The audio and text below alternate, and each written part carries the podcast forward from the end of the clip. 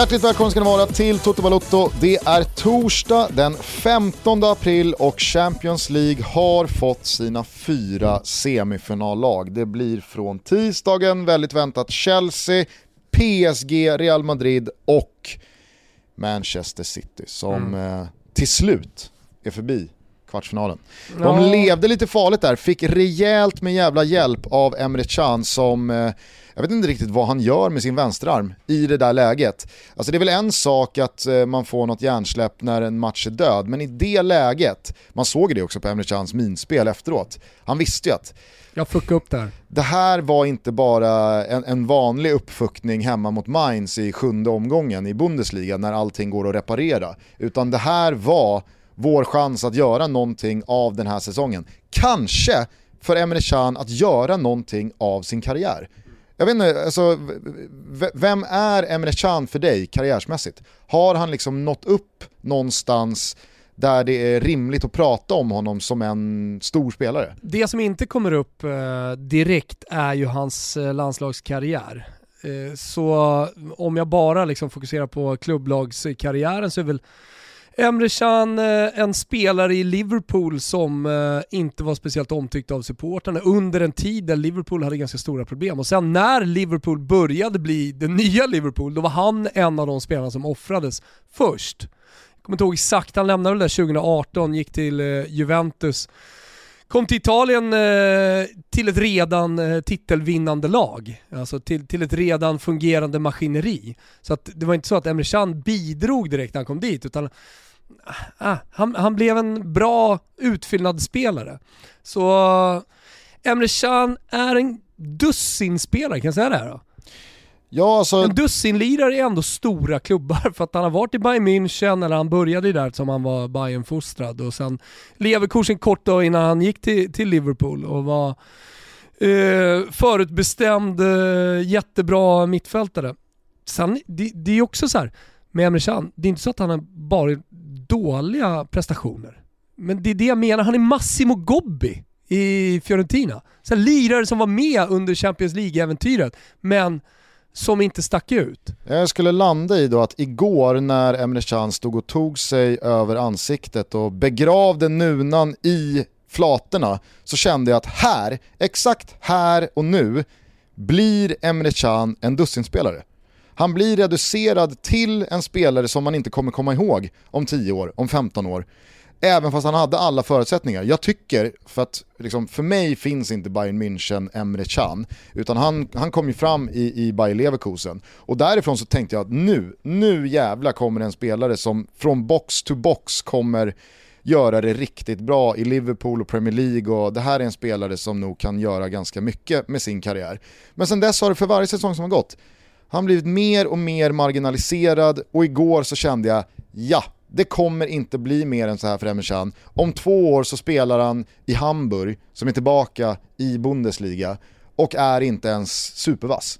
Det är vad Emre Cans legacy kommer bli. Men vad fan, varför men, pratar vi om Emre Can? Nej, ska vi kanske, bara, släpp, ska vi kanske bara släppa honom? Jo, det, det, ska vi definitivt göra, men en sak med Emre Can är att han är ju fan bara 27 år gammal. Det Jag känns vet. som att han borde vara 33 och har gjort hela det här. Men... Kanske inte 33, men det är, väl, det är väl just den åldern jag har med in i min aspekt här att äh, det kommer inte bli någonting jag mer än Emre Can och så här. Här vänder det för Emre Can, Och definitivt. landslaget då? Vad, vad säger Nej. vi om hans tyska landslagskarriär? Jag kan inte minnas några matcher. Han har ändå 33 landskamper. Ja, men jag kan inte väl... minnas några matcher med Emre Can där han gjort skillnad. Det är väl typ 333 spelare som har 33 landskamper senaste 10 åren under Jogi Löw. Så jag vet inte, 33 landskamper för Tyskland, just Tyskland så säger väl det mindre än kanske för andra spelare från, andra nationer. Det är från 2015 och framåt. Att... Men jag håller med dig, det är inte så att man kan dra sig till minnes en stor prestation av Emre Can i ett eh, Kan du dra dig till minnes någon tyska... stor prestation av Emre Can?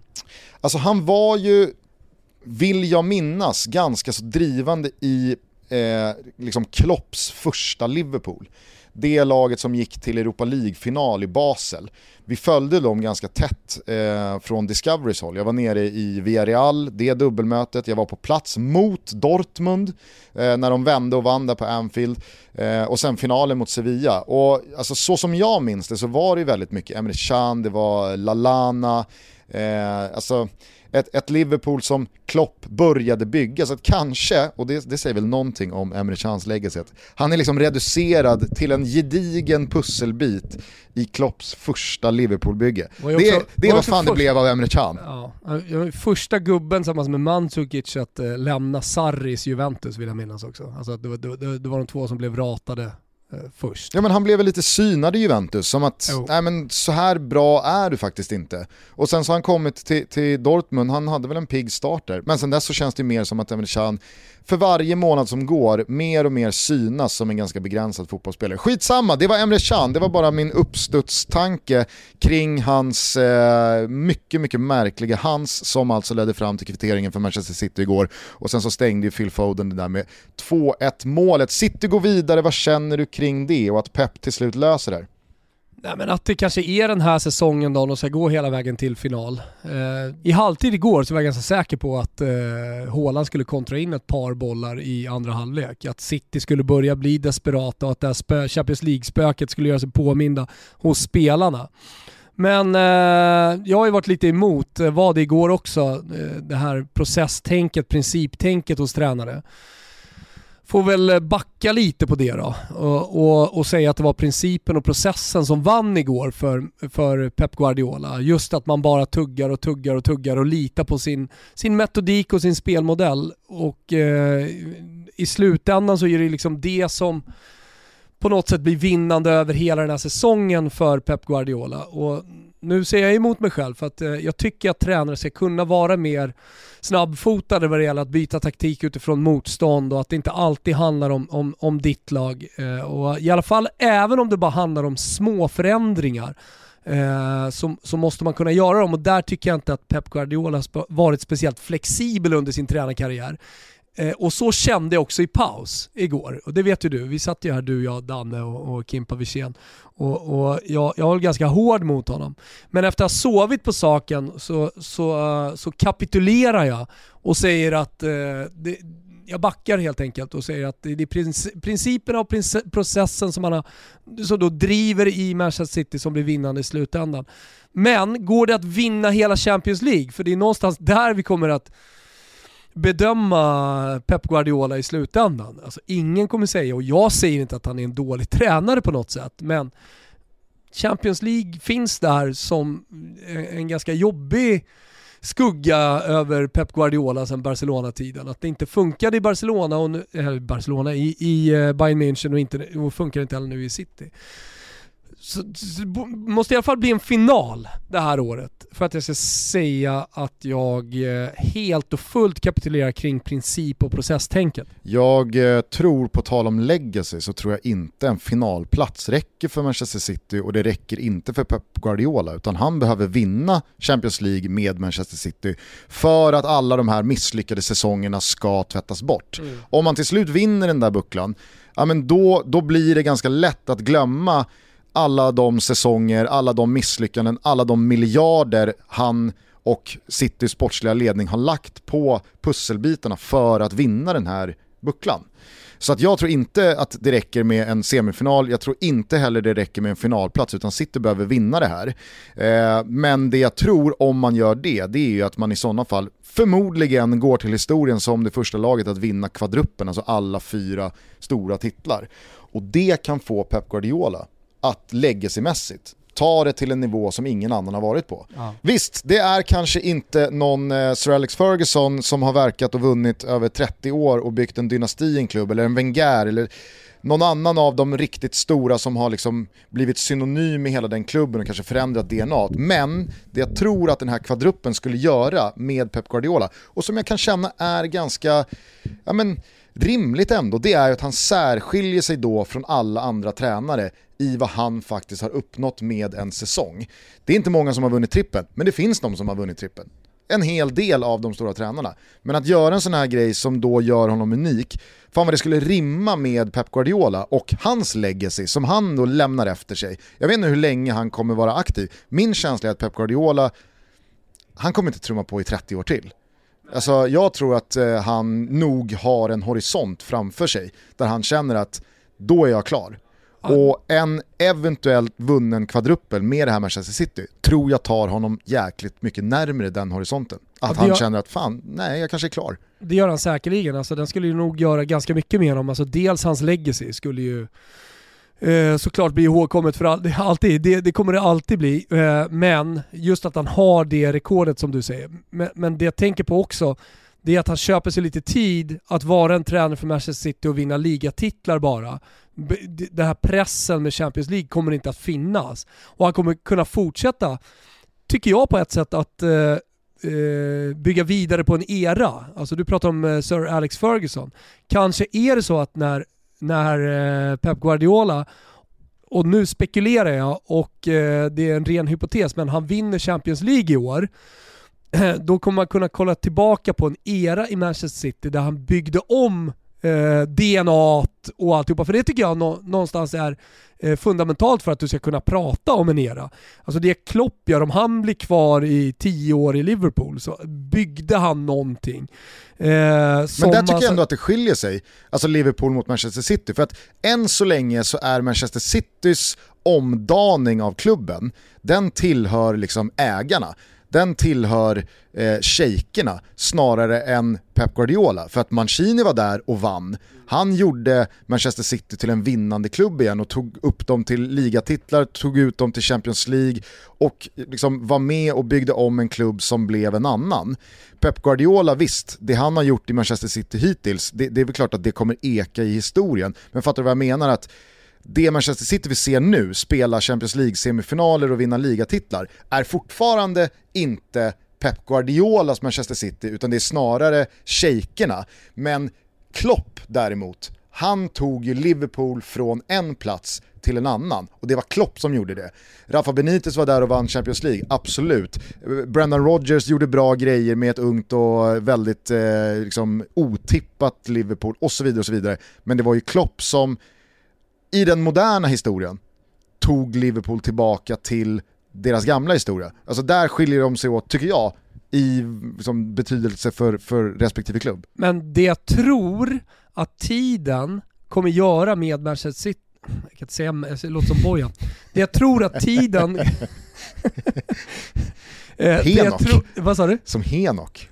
Manchester United. Ja, nej, jag, jag menar, jag menar Henok. Varför säger jag Bojan för? Båda gnagare, kanske därför. Bojan har ändå det... spelat i Manchester United. Vad sa du? Bojan har ändå spelat i Manchester, han borde ändå borde kunna uttala det. Han uttalar garanterat hundra gånger bättre än mig. Det jag tror att tiden kommer göra med Manchester City, nu kommer jag, nu kommer jag bara staka på det. Det jag tror att det, det kommer göra är att det kommer ge eh, utvecklingen av fotbollen, så som fotbollen ser ut idag och eh, så, så som fotbollen utvecklas med tiden, att det kommer fler oljeshejkar in eh, i flera klubbar och att det smutsiga med att få in Roman Abramovic, det har man nästan glömt bort nu med Chelsea. Nu, idag tittar du ju på Lampard och du bedömer Tuchel, du, du pratar inte ens om, om Abramovic. Men, och det tänker jag att kanske om tio år, när man blickar tillbaka på Pep Guardiolas tid i Manchester City, så kommer man bara prata om det sportsliga och vad man faktiskt lyckades med. Eh, och att det kommer vara kanske ett litet tag till så här om man pratar om City och vad, vad brukar man kalla dem för? Eh, nu är det väl El Cashico El i eh, semin här.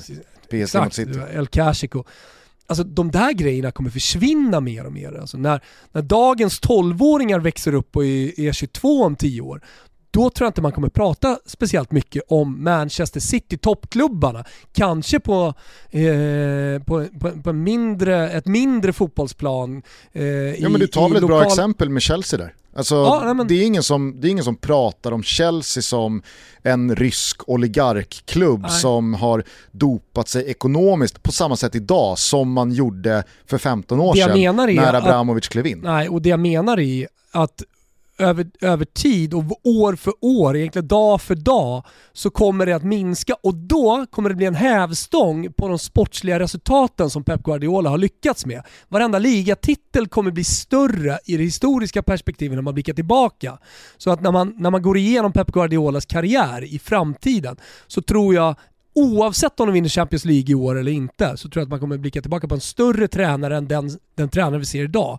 Man, man, man kommer se storheten i honom eh, mycket, mycket, mycket mer Och man kommer se eh, på Manchester City som mer ett lag eh, och en era, en klubb, alltså Guardiolas era i City.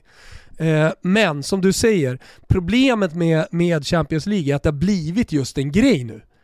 Och ja, alltså jag tror inte att en final han, han sminkar över för att komma ifrån det. En semifinal betyder absolut ingenting. En finalplats, ja visst, det är bra, men det räcker inte. City Nej. och Pep behöver vinna Champions League för att han ska kunna tvätta bort alla misslyckanden. Och inte bara med City, utan med Bayern München som du var inne på också. För Peps egna individuella karriärs skull så behöver han ju vinna den här eh, bucklan. Ja. Eh, men eh, matchen i sig, där tycker jag att återigen så lever City farligt. Mm. Eh, jag tycker Dortmund är bra, jag tycker att Dortmund förtjänar att vara vidare i halvtid. Alltså de ger ju sig själva chansen att faktiskt ja, lösa det de är ju vidare i halvtid. Ja men det är det jag menar. Mm. Och det, var, det, var, det var inget rån nej. att med, efter tre av fyra halvlekar så är Dortmund vidare. Ja. Det var inget rån. Nej, nej. Men sen så löser ju City det rättvist, eh, absolut. Det, det, går inte att säga så mycket om. Men jag vet inte fan om jag kan liksom köpa in mig på de tidiga oddsen här jag har sett. PSG City, har du noterat? Nej. Betsson skickar alltså ut över tre gånger pengarna på PSG hemma mot City. Tydlig favorit på Manchester City borta mot PSG. Förstår, förstår du det? Alltså visst, City är bra. Nu sitter jag i PSG-båtar och jag är jätteimponerad av dem. Och dessutom, och det här ska vi inte glömma bort heller, det är ganska tungt, så fick man tillbaka Icardi, Florenzi, satt på bänken visserligen, men med Moise Keane också som eh, kommer in i matchen. Eh, så det är ett bättre lag, med största sannolikhet får man väl tillbaka Marquinhos också, mm. eller hur? Men att det är så pass tydligt värderat att City ska vara ja. favorit mot PSG. Jag köper jag, inte det. Nej, jag, jag, jag, förstod faktiskt inte det heller. För att jag tycker, vi direkt va, borta, borta hos Betsson. Jag tycker Tack att även fast eh, Bayern München vinner matchen eh, i Paris här i förrgår, så är ju PSG till skillnad mot hur det såg ut i, i Tyskland. Det blev väl lite varsin sån seger då, alltså att mm. laget som är sämre vinner matchen. Eh, för att PSG var, tyckte jag, så jävla bra mot Bayern. Och Neymar, jag tyckte du skrev eh, det jättebra på Twitter, att liksom Neymar är den spelaren man tittar på helst i hela världen. Mm. Så som han spelar fotboll, det är en utrotningshotad art, han gör grejer med den här bollen och med sin kropp, och med, alltså hela rörelserna är jag vet inte, det, det, det blev sån jävla påminnelse i förrgår om hur sällsynt det är. Ja, nej, men sällsyntheten i dagens fotboll när allting handlar om trianglar, eh, få tillslag och att hitta passningsvägar fram. Allting handlar ju om vilka ytor man ska hitta hela tiden. Ta vilken expert du vill, oavsett om det är Martin Åslund eller om det är eh, Billy Costa Curta i italiensk tv så pratar man om ytorna man ska hitta och, och så vägarna fram. Alltså det finns ju någonting, det vet jag Billborn brukar prata ganska mycket om, men det finns ju någonting som slår ut allt det där. Och det är ju en en mot en gubbe. Det är därför, därför man inte får glömma det i ungdomsfotbollen. Att träna en mot en, att, att våga utmana så mycket som möjligt. Att löpa långa intervaller, beep-test, backar. nej men, nej, men det, det, är så viktigt för att du kan stå helt rätt. Du kan, du kan vara perfekt i din shape. Men så kommer en, en gubbe som, är, som slår ut sin gubbe mm. och helt plötsligt så, så uh, öppnas precis allting. Planen, anfallsspelet blir ett paradis. Helt plötsligt kommer det löpningar i boxen. Allting blir som uh, blommor och, och honung och, och champagne och jordgubbar och det blir härligt. Det låter som Christian Olsson på Radiosporten. Men det är så jag tänker att det är. Det, alltså det blir fotboll och det är Neymar. Mm. Han är alltså... en av de sista som faktiskt vågar göra det hela tiden. Sen en sak från den matchen. Alltså i, i och med att det är fotboll fast forward. Alltså det, det, det är snabbspolat. Det, det, går ju i två gånger hastigheten hela den här matchen. Pressen, eh, passningarna. passningarna. Det är hårda jävla distinkta passningar men det är mjuka fötter som tar emot den och gör någonting med det. Alltså det någon gång där i första halvleken när de ställer om och eh, Neymar gör en L-fint, du är med på begreppet. Mm, mm, mm. liksom mm. drar den bakom. Ja. Och du vet, Visade en... Thomas här i studion hur man gör en L-fint. Såg sådär ut. Hade jag gjort den, försökt att göra den, så hade min höftkula suttit i, liksom, i etage ett och eh, två korsband hade gått. Att han gör den i det tempot. Men så är alla moment i hela matchen. Och det, det, det, det, det är nog det jag är mest imponerad av. Alltså både Neymar, att han gör det här 2021, som jag skrev i min krönika på totobaloto.se, men att han gör det i det här tempot mot Bayern München. För Bayern München är väl det tempostarkaste laget får jag ändå säga. Alltså när vi pratar om det efter första matchen, att de väller fram. Att det blir som en jävla tsunami som väller över ett försvar. Går liksom inte att stoppa den där jävla tyska maskinen. Men så är de ju liksom över 90 minuter hela tiden. Deras press är förödande alltså för, för alla. Men, men, men PSG hanterar det mm. som inget annat lag tycker jag. Gör det någonting med Neymar, och om vi nu ska fokusera på legacy även här, att han inte gör tillräckligt med mål? Alltså, är inte den här matchen ganska talande för Neymar jo, och hans sjuk. karriär i stort? Alltså, jag säger inte att Neymar alltså, har gjort lite mål. I Barcelona tycker jag att han, det, ah, ja. det, har vi surrat om back in the days i Toto. Alltså mm. i Barcelona tycker jag att uh, han, han gör så många mål, alltså över förväntan. Ja, absolut. Jag trodde att han skulle bli en gubbe som serverade. Han skulle bli framspelaren, ligga lite bakom. Jag tycker dessutom att han har ett bra avslut. Till, till skillnad från eh, Salah, där jag för övrigt liksom hoppat ner din gamla ruckiga, eh, tjaskiga eka till eh, avslutsbåt vad det gäller Salah. Jag hoppar ner i den. Ja, ja. Alltså. Jag, jag sätter mig fan som första styrman bredvid kapten Gugge alltså. Jag ser det du såg, jag är frälst. Ja, det var bra. Ännu en gång så har mina profetier landat väl. Nej men det, alltså, det jag skulle komma till med Neymar, det var ju som du är inne på, Neymar i Barca tillsammans med Messi och Suarez, de, de öste in mål. De hade väl någon säsong där de gjorde 120 mål ihop eh, mellan de tre. Eh, jag, jag, jag menar bara att när Neymar sen han kom till PSG har varit frontfiguren och har varit nummer ett och varit den spelaren som ska baxa en klubb från en nivå till en annan så tycker jag att han har saknat målproduktionen och varit även målmässigt spelaren som avgör matcher med 1-0 målet eller med 2-1 målet med, med, med 10 minuter kvar. Alltså nu leder han ju tillsammans med Mbappé eh, PSG vidare från det här dubbelmötet och är ju superbra. Men det finns någonting större tycker jag att läsa in i att han har så många i virket och att han faktiskt inte gör mål i de här två matcherna. För att, jag vet inte, det är väl det som särskiljer de absolut bästa från de som anses liksom kunna bli den absolut bästa. Alltså hur man än vrider och vänder på Messi och Ronaldos karriärer så har de alltid gjort mål i de stora matcherna. De, de har varit liksom spelare som har varit med i målprotokollet när de största bucklorna har delats ut, när de största segrarna har tagits. Ja men då vill jag ändå vildsint protestera mot det Gusten. Uh, eh, för för det, det, är exakt det där man pratar om eh, med Maradona, hur många mål gjorde han egentligen? Uh, det är dit fotbollen är på väg någonstans och att man bara mäter allting i expected goals i assist, i mål. Och jag vet att det inte bara är din åsikt, utan uh, du, du, förklarar läget. Det här kommer bli legacyt och det är möjligt att det blir så, men jag protesterar ändå, ändå vildsint mot det. För att du måste kunna se vad Maradona, vad Neymar gör ute på planen. Absolut. Vad det är för och, typ av spelare. Det är också därför jag skriver att Neymar är bäst i världen, för han spelar en fotboll som ingen annan gör. Ah, ja. Fotboll handlar om att vinna matcher. Om han vinner matcherna genom att hålla i bollen, genom att trixa med bollen, genom att dra på sig eh, tre försvarare och således öppna upp ytor för andra. Så att det kanske är hans hemåtspel, en spelvändning, passen in, eh, då, då, ser du inte att det är Neymar som har trixat på kanten, dragit till sig bevakning, som faktiskt är det som, som, som gjorde att den där chansen överhuvudtaget kunde få finnas. Eh, det, och, det, och det är också därför jag, jag tycker att Neymar är bäst av alla fotbollsspelare just nu. För att den fotbollen han spelar, det kanske inte genererar mest mål, men den genererar tillräckligt med mål. Ja, och, och det är viktigt att han gör, det är viktigt, vet du vad? Det är viktigt att han gör de tunga bollen. Där kan jag dock hålla med dig. Det är viktigt att han är tungan på vågen i en Champions League-final.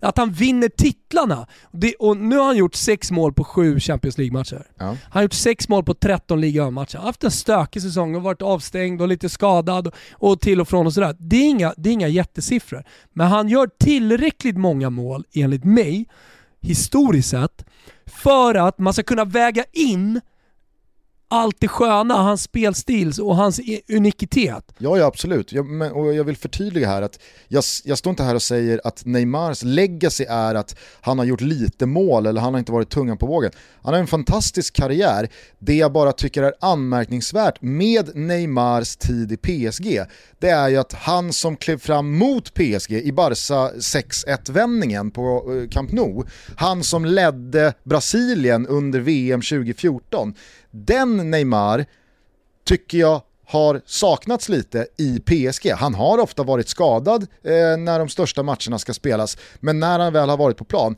återigen, ta de här matcherna som exempel. Superbra, superbidragande till avancemanget.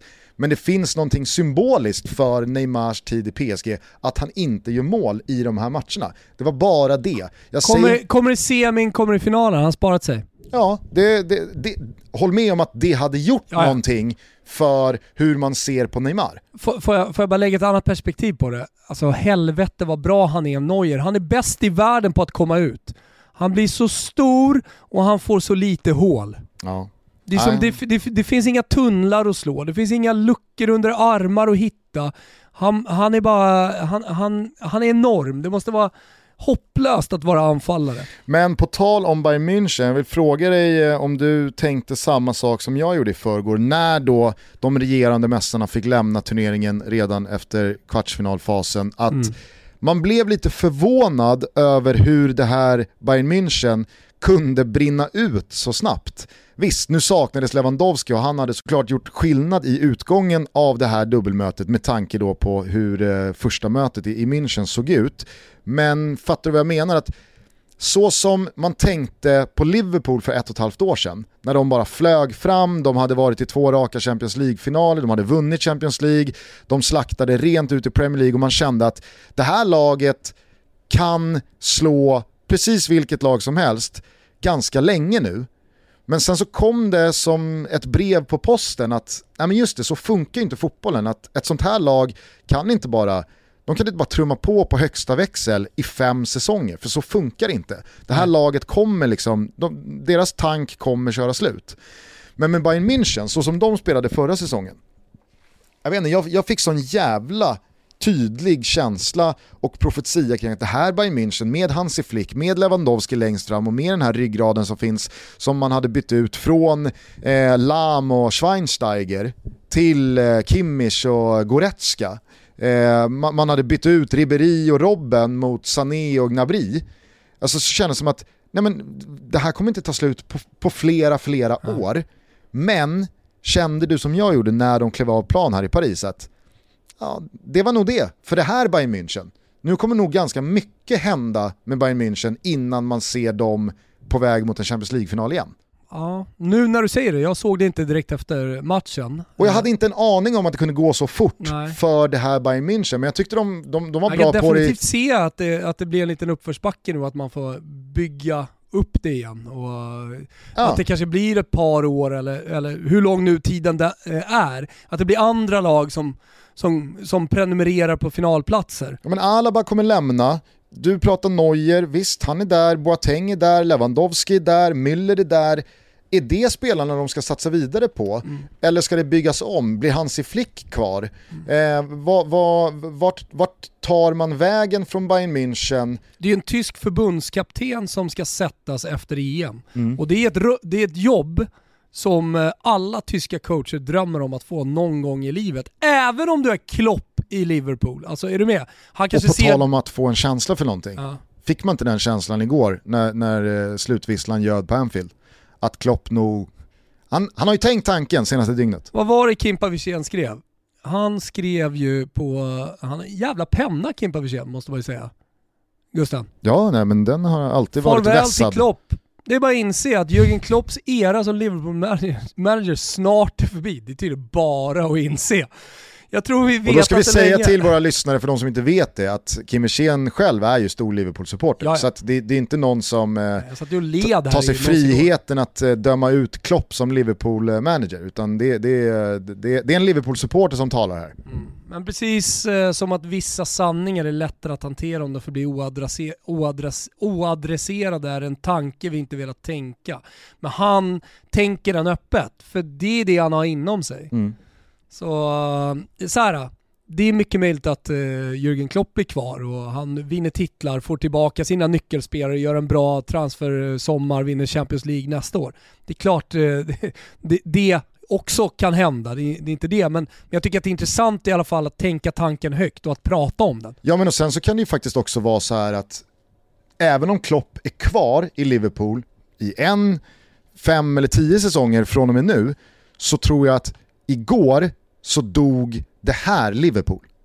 Alltså det Liverpool som eh, kommer vinna Premier League igen eller som kommer spela en Champions League-final igen, det kommer inte vara det här Liverpool. Och då pratar jag alltså om Salah, Mané, Firmino, Jordan Nej. Henderson, eh, van Dijk, Allison och Andy Robertson. Nå några av dem kommer säkerligen vara Exakt, med. Exakt, och Klopp kanske är där igen om fyra år med ett nytt Liverpool. Men det Liverpool som spelade två Champions League-finaler, vann den där förbannade ligatiteln efter 30 år och gick fram som en maskin på Anfield.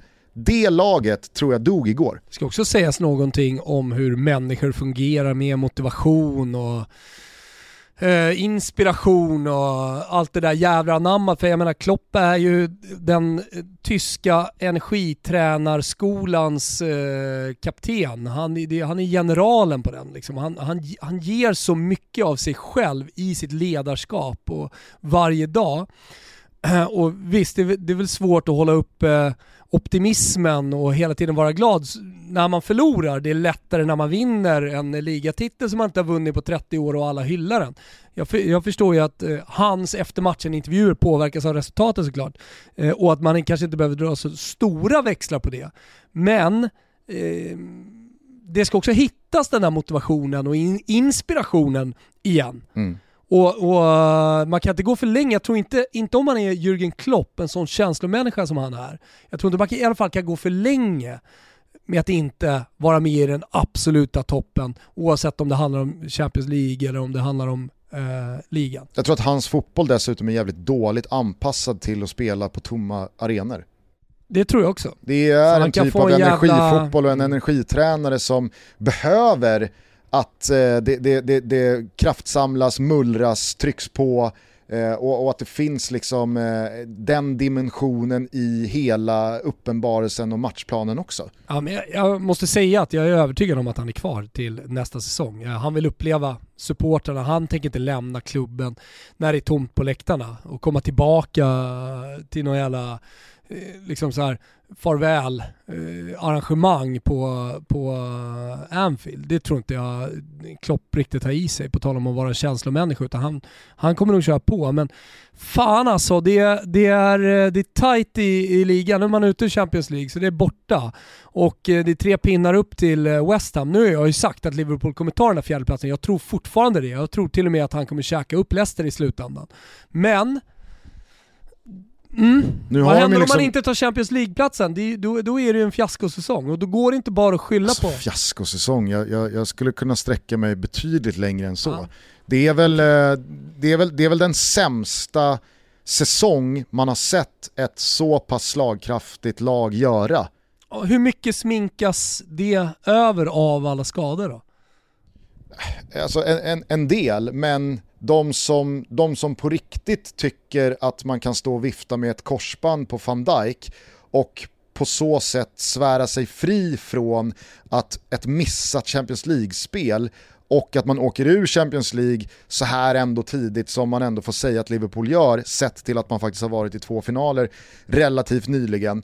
Alltså, då, då, då vet jag inte riktigt hur man resonerar, för att det laget Liverpool ställer på benen stora delar av den här säsongen, Alltså, om, man, om, man, om, man, om man tycker att det är rimligt att ett sånt lag ska komma sexa, sjua, kanske åtta i Premier League, alltså det, det, då har, man, då har man ju byggt laget fel om van Dijk är så mycket. Och visst, jag vet att Joe Gomez och, och eh, Matip också är skadade, men jag vet inte, då, de har investerat alldeles för mycket i en spelare. Och jag tror att den bistra sanningen är inte att med van Dijk så hade Liverpool i detta nu gått en tight kamp med City om ligatiteln och man hade slagit ut Real Madrid i Champions League. Det tror jag inte. Utan jag tror snarare att det här är, som vi var inne på, det är en tom tank i detta Liverpool. Det är inför tomma läktare så här länge med de här titlarna som man till slut tog jag tror att det är så jävla mycket svårare än vad jag och många andra förstår att liksom börja på ny kula, motivera sig till en ny säsong och ta allting från scratch igen. Jag, jag, jag, är helt övertygad om att det här, det här laget behöver byta olja. Den här motorn har liksom gjort så pass många varv nu att det, det är läge att genomgå en service här. Vi är denna vecka sponsrade av Flowlife. Jajamensan, detta svenska företag som är marknadsledande på innovativa massage och träningsprodukter. Jag vill direkt, Gusten, säga tack till Flowlife. Mm. Kanske du undrar varför jag är så tacksam? Det är klart jag gör. Ja, men min dotter har haft lite problem med nacken och lite i ryggen och spelar väldigt mycket fotboll. Eh, och då eh, fick jag upp ögonen för deras massagepistol, Flogan Pocket. Det är alltså det senaste inom det här. Den är inte enbart kraftfull utan också jävligt smidig och kompakt. Jag kan ha med den när vi åker på träningsläger, när vi åker ut till landet, när man åker ut och reser och så vidare. Den är inte större än en smartphone. Flogan Pocket alltså, men det, jag vill bara säga det, den har tre lägen. Så man börjar med det ena, och sen så går man ju ganska snabbt upp till tvåan och sen så kör man trean. Det är rejält tryck i den och eh, oavsett om man liksom har ont i en vad eller om man har ont i nacken eller ja, vad det nu är, så är det en kanonprodukt. Jag skulle dessutom vilja slå ett slag för träningsprodukten Flow Tank som är den senaste innovativa succén från Flowlife. Det är, ska vi säga, ett uppblåsbart träningsredskap som man fyller med vatten vatten och eh, således kan då skaffa sig en skivstång eller en hantel eller en sandsäck att ha med sig ut i skogen eller ut på löpvarvet om man har tänkt att träna lite extra. Den är otroligt smidig och så tömmer man den bara på vatten när man är klar med den och så kan man trycka ner den och så blir det som en, en ihopknögglad eh, plastpåse och det vet ju alla hur lite plats en sån tar. Ja men exakt och så kan man ju, i och med att du sa det här med vattnet, eh, det är viktigt att säga, då kan man ju välja vilken tyngd man vill ha också. Precis. Så jäkligt bra pryl att ja, men ta med sig ut på löprundan eller ut till land eller vad man nu ska. Just nu så får man 20% rabatt med eh, koden TOTOFLOW20 och den gäller alltså hela köpet. Så gå in på flowlifesweden.com och bekanta dig ännu mer med Flowlifes produkter. Ja, och Flowlife har alltid 100 dagar nöjd kundgaranti så man kan alltså testa sin produkt i 100 dagar innan man bestämmer sig. In på flowlifesweden.com, in nu! Och erbjudandet gäller fram till den 30 april. Vi säger stort tack till Flowlife för att ni är med och möjliggör Toto Balotto. Vi är sponsrade av våra vänner på Betsson, det vet ni ju såklart vid det här laget. Vi är dessutom i riktigt gott slag vad gäller våra Toto-tripplar. Den satt som berget senaste helgen. Jajamensan, det var ju jätteskönt faktiskt för att eh, nu kommer våren, man behöver lite extra kulor, eh, så Toto-trippen, eh, att den kommer i någon slags formtopp här eh, kommer ganska lägligt. Mm. Helgens trippel, den fokuserar på lördagen. Alla tre matcher går av stapeln då. Vi börjar 15.00 på Tele2 i Stockholm. Bayern ska ta sina första poäng i Allsvenskan 2021 och vi tror att det blir tre stycken. Ja, vi är väl ganska säkra på att det blir tre stycken. Eh, det vi har sett av Bayern men eh, för all del också att de kommer hem nu och spelar första matchen. Nej, men det, här är, det här är en säker seger. Det är klart att det är skillnad också på motstånd. Det är en sak att möta Malmö på bortaplan, en annan sak att möta Mjällby på hemmaplan. Jag tycker att Bayern kanske såg lite halvrackiga ut defensivt. Men offensivt så finns det ju rejält med grejer i den där verktygslådan. Så att rak seger för Bayern hemma mot Mjällby, det blir ena spelet. Jajamensan, sen flyttar vi till Italien för det andra spelet. Eh, vi har hittat Sassuolo mot Fiorentina som är en match som vi vet kommer spraka. Alltså, Fiorentina senast var inblandade i 3-2. En äh, jävla holmgång måste man ändå säga och det är, har ju blivit ett lag det här året som är svaga bakåt och sen så har de trots allt jävligt bra kraft framåt. Ivlahovic, Ribéry, ska jag ens nämna honom i stark kraft framåt? Nej men Kwame. Men, Kwame definitivt eh, och sen bakom där med, med inte minst Castrovilli så, så finns det en del mål i, i Fio. Sas, Sassuolo vet ni ju om med De Zerbi som tränare. Det, det, det, är en gubbe med tre backar, de står högt, de pressar högt och det händer alltid massa saker. Svanemark kommenterar har jag hört också. Bara en sån ja. sak. Linan ligger på 2,5 och vi tror alltså att Sassuolo och Fiorentina går över den, så att minst tre mål i den matchen. Avslutningsvis så är det samma spel som gäller i mötet från The Championship, Norwich mot Bournemouth. Varför tror vi på tre mål här då Tompa? Ja, det undrar jag också. Nej men så här va, Norwich de har 15 pinnar ner till Swansea på tredjeplatsen med 15 poäng kvar att spela om. Alla fattar ju således att det här är ju i praktiken klart. Eh, Norwich kommer spela ut, Temo Pukki jagar skytteliga-segern, han står på 26 gjorda. Så att Norwich har ju liksom ingenting att spara på, det är bara att ställa ut skorna och dansa. Bournemouth, de har fem poäng ner till Reading på sjunde platsen så att således så finns det lite kudde, vilket gör att de kommer ju åka till Carrow Road, heter den fortfarande va? Ja det är klart den gör, eh, och gå för det. Så att, eh, jag tror att det här blir en jävligt öppen, svängig match eh, med ett hemmalag som inte har någonting att förlora. Eh, det är klart att det blir tre mål i den här matchen. Ja, det skriver jag under på. Tänk på att ni måste vara 18 år fyllda och stödlinjen.se finns om man har problem med spel. Eh, tipsa även vänner om det. Eh, godbitar, boostade odds, det är bara att gå in på Betsson.com Gusten. Jajamensan, vi säger stort tack till Betsson för att ni är med och möjliggör Toto Balotto. Tack tack. Ja, och på tal om att byta olja så har ju Chelsea verkligen gjort det. Alltså de har ju bytt hur mycket olja som helst. De har ju dessutom eh, bytt ut eh, liksom Prima Pilata. Och alltså kolla på deras säsong, de går ju in i eh, 2021 med helt andra förutsättningar och förväntningar än vad Liverpool gör. Alla förväntar sig att Liverpool ska vara med i toppen och, och kriga och kanske till och med ta sin andra raka ligatitel. Sen kommer skadorna, sen kommer skiten och Liverpool halkar efter för mycket och City vandrar rätt tidigt. Men, men här, om Chelsea tar en Champions League-plats, wow, det är ju bra. Då är de ju... ja, alltså, givet läget Chelsea var i när ja, men, Tuchel kom in. Och det är en säsong där man har bytt tränare. Absolut. Alltså jag under säsong. Ja, ja, jag menar bara att backar du bandet till säsongstart så hade ju ingen liksom jublat och sagt wow åt att Chelsea löser en Champions League-plats, alltså, det är byter bra. Du, byter du tränare under säsong, ja men då har du ju misslyckats. Exakt. Då, är, då, då är det så här. den här säsongen ska inte gå att räddas lite grann. Nu har man jättehänget på fjärdeplatsen, ja till och med femteplatsen. Fan, de är, jag kollar på tabellen nu, de är två poäng efter Leicester. Kanske blir det så att det är Chelsea-Liverpool eh, som joinar United City. Nu fick jag i alla fall en stark magkänsla. Eh, men, men de är i semifinal i Champions League.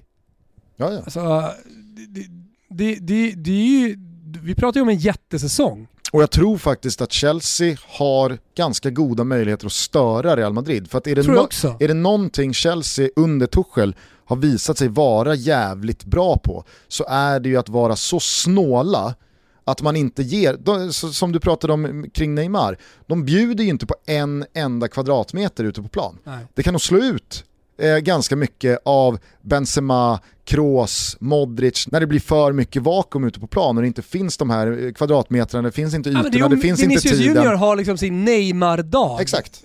men, men sannolikheten är ju inte med honom här. Nej. Om man kollar historiskt. Nu finns det inte så mycket historik att kolla på i och med att det är en ung spelare som precis har börjat lira fotboll, på säga, men i alla mm. fall på den här nivån. Men ändå, du förstår vad jag menar, det är en ojämn spelare. Nu ska han ha den dagen mot Chelsea, han ska göra dem, han måste göra de grejerna som Neymar gör för att det ska funka.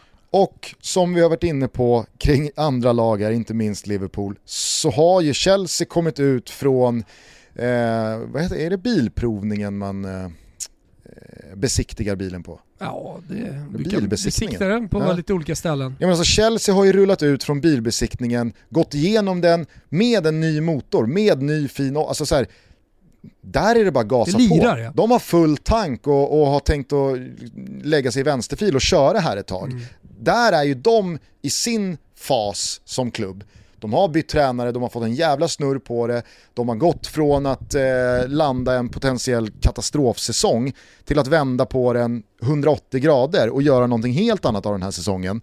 Kontra då, ja men Real Madrid ska väl in och, och, bevisa sig igen då och vara det här laget som den här tiden på året växlar upp och visar klassen. Som jag för övrigt tycker man gör mot Liverpool. Jag skrev på Twitter, fick en jävla massa skit. Åh fan, från Liverpool-supporter då som menade på att Liverpool var bättre än Real Madrid. Alltså, såg vi samma match? Hade inte Real Madrid sån jävla kontroll på, på, på den här Allting fighten handlar om att de gick in och kontrollerade Exakt, den här matchen de genom att spela två. på det sättet de spelade på. Det var så de ville spela. De ville att Liverpool skulle ha bollen ja. och trilla runt den. Det var, det var inte så att Real Madrid försökte spela någon annan typ av match, men Liverpool bara sköljde över dem och var reser bättre. Ja. Utan jag såg Real Madrid visa Liverpool att ska ni, ska, ska, ni, ska ni slå oss med två bollar idag, då får ni vara jävligt bra. Ja, då får ni För sätta vi, vi de full, få chanser ja, ni kommer få. Vi har full koll på det här. Och andra halvlek, det, alltså, jag vet inte, jag, jag, jag, jag, jag tyckte inte ens en reducering hängde i luften. Nej, men det är klart så här, sätter Salah den där chansen, det är publik på läktarna, om, om, om. Ja men det är klart att det blir en annan match. Men nu sätter han inte de chanserna för att han är Salah. Exakt. Och, jag menar... och Liverpool har valt att spela honom där. Man har de gubbarna man har, glöm bort det ibland. Jo men vadå, ta bort de där två, vad är de då? Fast vad då ta bort de där två, vad är de då? Och Real jo men det är Madrid- många som resonerar så Ja, ja. kring fotboll. Men är inte Real Madrid också det, det yppersta motbeviset på att inte hålla på och tänka om och tänka men? Real Madrid kommer dit, man har gått vidare från Ronaldo, Ramos och Varane är out. Alltså det är så här, Och det här har vi, det här har vi Exakt. att köra med eh, och vi kan vara så här bra ändå. Eh, det är liksom, allt har blivit fel med Hazard, allt har blivit fel med Gareth Bale, eh, vi har ett par tunga nyckelspelare out också. Men vet ni, vi går ut och så gör vi det bästa med det vi har och så håller inte vi på att krusidulla bort det sen om det skulle gå dåligt med några jävla bortförklaringar. Jag tycker Real Madrid var så jävla klassiga i det här dubbelmötet. Eh, jag, jag säger inte att Liverpool är, är katastrof eller att Nej. Real Madrid skulle vunnit med 10-0. Men jag tyckte verkligen Real Madrid visade sån jävla klass igår. Ja, Jag håller med. Kort bara, eh, Chelsea-Porto-matchen. Mm. Har det någonsin, jag vet inte om du har någonting i, i, i bakhuvudet här på uppstuds, men har det någonsin gjorts ett så snyggt mål Som inte som, är- betyder som ett inte skit. betyder någonting? Problemet med den typen av mål är att du glömmer bort dem. Ja men det är det jag menar, och det är så jävla, alltså, vi pratar givetvis om Mehdi Taremis eh, bicykleta på tilläggstid eh, som eh, tar Porto till 1-0, men som absolut inte betyder någonting i historieböckerna. Och det är sånt, det är sånt mål som är värt så jävla mycket mer. Ja. Men det betyder ingenting, det görs inför tomma läktare på neutral Det plan. kommer inte vevas om tio år. Det är bortglömt då. Exakt, och det är ju heller inget mål som görs för det förlorande laget i en final. Utan det är en kvartsfinal. Det, det, det är Det går tillräckligt knappt att det fira är det. tillräckligt långt ifrån finalen för att man liksom, alltså, vem pratar om ett betydelselöst mål i en kvartsfinal? Ingen. Nej det går inte. Nej. Det går inte. Det är Ronaldos mål eh, mot Juventus som han gör eh, i Turin, alltså hans eh, cykelspark. Där är, det, det är ju ett mål som jag tror att majoriteten av de som minns det målet kan inte svara på hur det gick sen Nej. för Real Madrid i turneringen. För det är inte det som är viktigt när det är en sån spelare, för det är Cristiano Ronaldo. Han gör ett sånt mål som, ja men det, det, det reser över hela jordklotet på en och en halv timme och så har alla sett det och så har man bara adderat det till den, liksom, en av de störstas karriärer. Men en spelare som Mehdi Taremi, alltså, han behöver ju att målet betyder någonting. Mm. Nu gör han, nu gör han liksom, han gör årets snyggaste mål, men ingen kommer komma ihåg det Ingen, ingen minns det. om en och en halv timme. Ja. Ja, det är surt. Vi får se om eh, några av våra lyssnare har fler sådana här mål. Problemet är ju som sagt att man glömmer bort dem. Ja. Eh, men eh, bara kort, det, det, det är ju två veckor till det är dags, men så här spontant, eh, PSG City och eh, Real Madrid-Chelsea. Hur kommer, final, hur kommer finalen se ut? Ja, du, PSG-Real? Ja, ja men alltså det, det kanske är tråkigt eh, men, men eller en tråkig åsikt. Det är inte tråkigt, det tycker väl alla PSG och, och eh, Real Madrid-supportrar är superroligt men, men eh, de stora vinner. Erfarenheten är tyngst. De kommer in eh, med lite större skrutum i, de här matcherna och, och, och fläker ut det. Så att eh, det, nej, jag, jag, det, det är klart man kan se olika scenarier, det är inte det jag menar. Det är klart City, fan, de startar ju som favoriter här. Och vem, vem är jag att säga emot det höll jag på att säga. Eh, men Real Madrid eh, tror jag tar det. Eh, vi, vi har ju argumenterat för att Chelsea har en bra chans här och att det kan passa dem och att det kan bli tufft för Real Madrid att få in bollen. Eh, men eh, om du sätter pistolen mot tinningen så, så säger jag PSG Real Madrid. Och, och PSG har ju sagt hela tiden, just för att jag tycker att de i år har någonting extra. Finns en extra glans över PSG i år. Och jag tycker också att de gånger lag och individuella spelare faktiskt har försökt syna Citys backar, Citys defensiv, det finns hål där. Det finns det definitivt. Alltså så, så som eh, Dortmund det spelade på, så, så, Ja. så som Dortmund spelade på Etihad, Andra halvlek på Etihad, första halvlek i Dortmund. jo men alltså, och, och då, då, ska Det är man också, 90 minuter som man ska värdera här. och då ska man också byta ut Jude Bellingham och Marco Reus till Di Maria och Neymar. Hoppsan. Haaland, ja det blir Mbappé. Det kanske är ett pinnhål upp ändå. Ja. Och nej, jag vet inte, alltså att, att jag ser odds just nu med två veckor kvar på PSG till dryga 2,60 gånger pengarna att kvalificera sig. Köp med... inte riktigt det alltså. 1,44 på City. Jag ska nog in och lägga ett litet early bet här eh, när vi klickar av eh, podden för idag Gustav. Hörru du, eh, tar du med dig någonting annat från den här semifinalrundan som givetvis är hela dagens avsnitt? Nej, men jag tycker att eh, känslorna och, och eh, åsikterna kring de här matcherna är, är förmedlade ganska bra. Sådär. Försökte hänga med lite runt om i fotbollsvärlden, såg att eh, Gasperini är på väg att, torska dit för några jävla dopingbrott där. Va? Ja. alltså inte, han har inte dopat Han har sig. tryckt i sig EPO för att det hade varit något. komma i form här ja, inför Beach 2021. Cykla upp för Alperna i sommar. Bloddoping. Nej, nej, han, nej, han, jag hade en spelare, jag vet inte vem det var, som eh, skulle testas då. De testas ju hela tiden. Dopingkommissionen, den italienska var där. då sa han, du, kom med mig här. Du ska inte göra något jävla dopingprov, vi har, vi har träning. Och sådana där grejer är lite farliga. Eh, för att eh, jag, jag, jag, förstår att det till största sannolikhet handlar om att eh, eh, Gasperini ville ha honom på träningen och liksom fan komma här och störa våran viktiga uppladdning och att han är ju en surgubbe. Det har ju blivit väldigt tydligt, eh, inte minst den här säsongen, han har varit i blåsväder några gånger och varit väldigt arrogant och dryg eh, mot eh, domare och, och, folk som jobbar runt omkring matcharrangemanget. Va?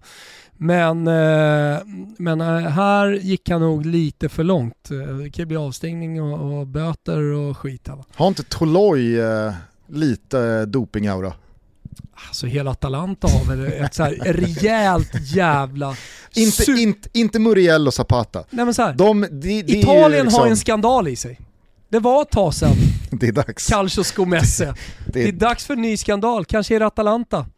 Kanske, kanske är kanske, den liksom, systematiska dopingen från att spelarna är 14 år gamla som har pågått i decennier Kanske får vi till slut svaret på vad fan liksom, Atalanta och Gasperini och, och Percassi sysslade med. Jaja. Det var doping hela vägen. Det var doping hela vägen. Så, det, alltså, Norling, han blev Per Elofsson. Rå... Som försökte haka på Johan Milleg, gick in i väggen, dog. Hade inte Milleg varit dopad, varit med där, ja då vet alla att eh, hela kungen det mästerskapet hade varit Per Elofsson. Mm. Nu, nu, nu, gör, nu gör Atalanta samma sak. Deron och Freuler och Gåsens är egentligen så dåliga som de borde som vara. Som de låter. Ja, som dels som de låter men också som de borde vara. De borde... Palomin och Romero och de här gubbarna. Alltså det är liksom, egentligen ska det inte gå. Men Alltså, det, Romero, det, det, är ju bagan. Exakt. Egentligen. Ja, ja. Men de har, Golin, de, de, decent har, mål verkligen. De har dopat upp det här gänget. Nu, nu, nu ser jag allt så klart helt plötsligt. Håll, håll, Atalanta har ju systematiskt dopat sig i fem år och nu håller den här skandalen på att rulla upp sig. Fan, Ja, men, jag fint när man lägger pusselbitar Det var länge sedan, alltså, så här, Italien har ju en rejäl skandal i sig. Ja, det kommer ju snart, frågan mm. är vad den handlar om då bara. Nu har det varit domare, spel, fan doping, det var ju på Juventus tid. Ja. Alltså slutet med 90-talet.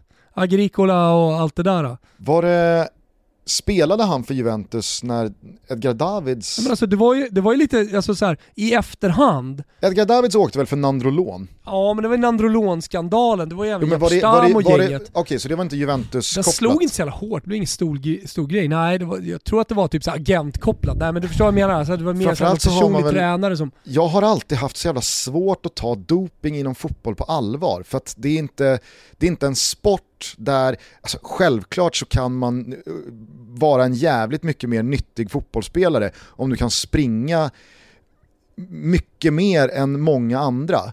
Men det är samtidigt en sport som bedöms och avgörs på sätt som inte går att dopa sig till. Därför jag, alltså, jag har alltid haft sån jävla sval inställning till de fotbollsspelare som har eh, dopat sig. Ja. Och det kanske doping inte är så stor i fotbollen. Ja, ja. För att du, eh, fotbollen, då, då, måste du hålla i, i 40 matcher varje säsong och då handlar det jävligt mycket om eh, de, de inre knäledsmusklerna snarare om eh, liksom råstyrka. Ja, hur bra du är kommer alltid vara liksom din teknik, din spelförståelse, din, ditt beslutsfattande, din, din, din faktiska förmåga att slå en spelare, att ta ett skott, att vara en bra avslutare. Det går inte att trycka en spruta Nej, i armen eh, eller eh, hålla på och by byta blod. Av doping. Nej.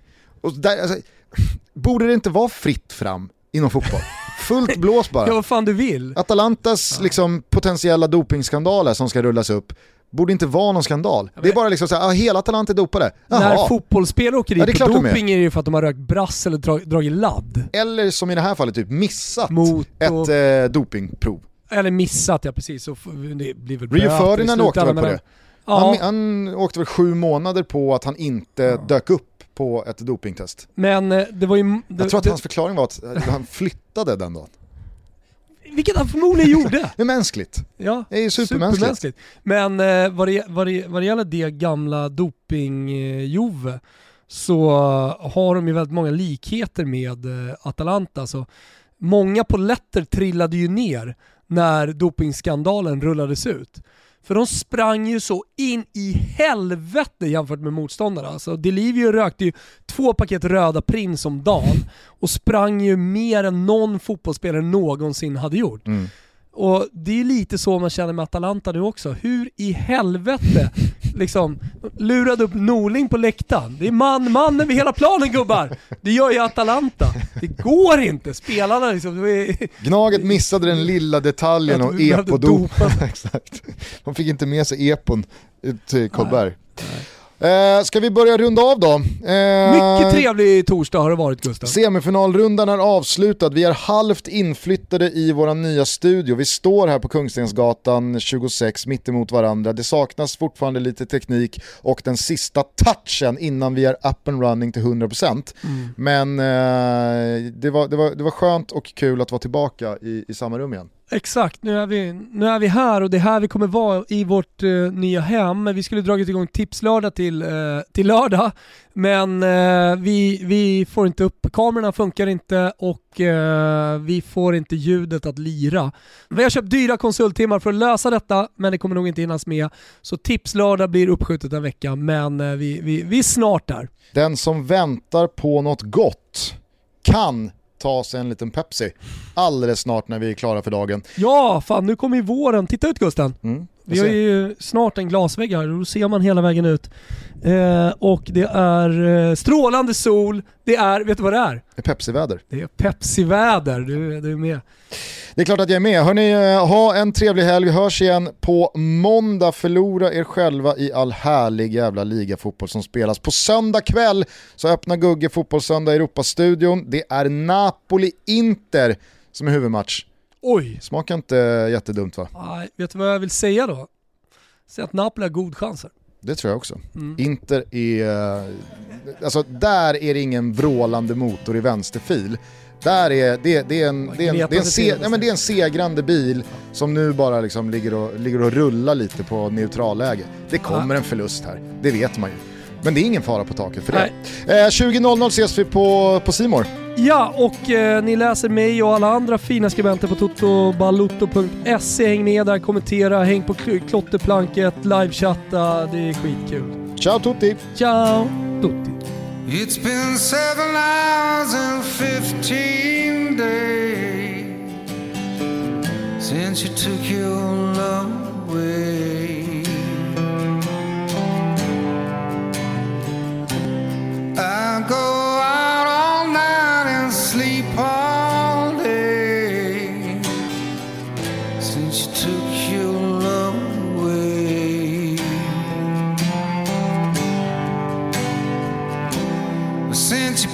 All like I'm doing.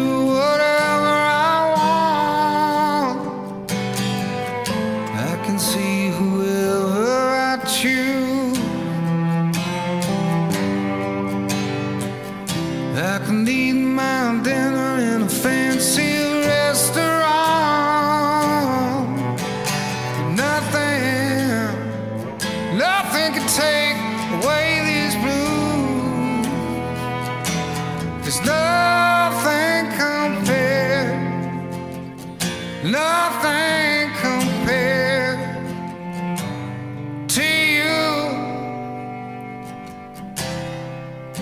It's been so lonely without you here, like a bird without a song. Nothing can stop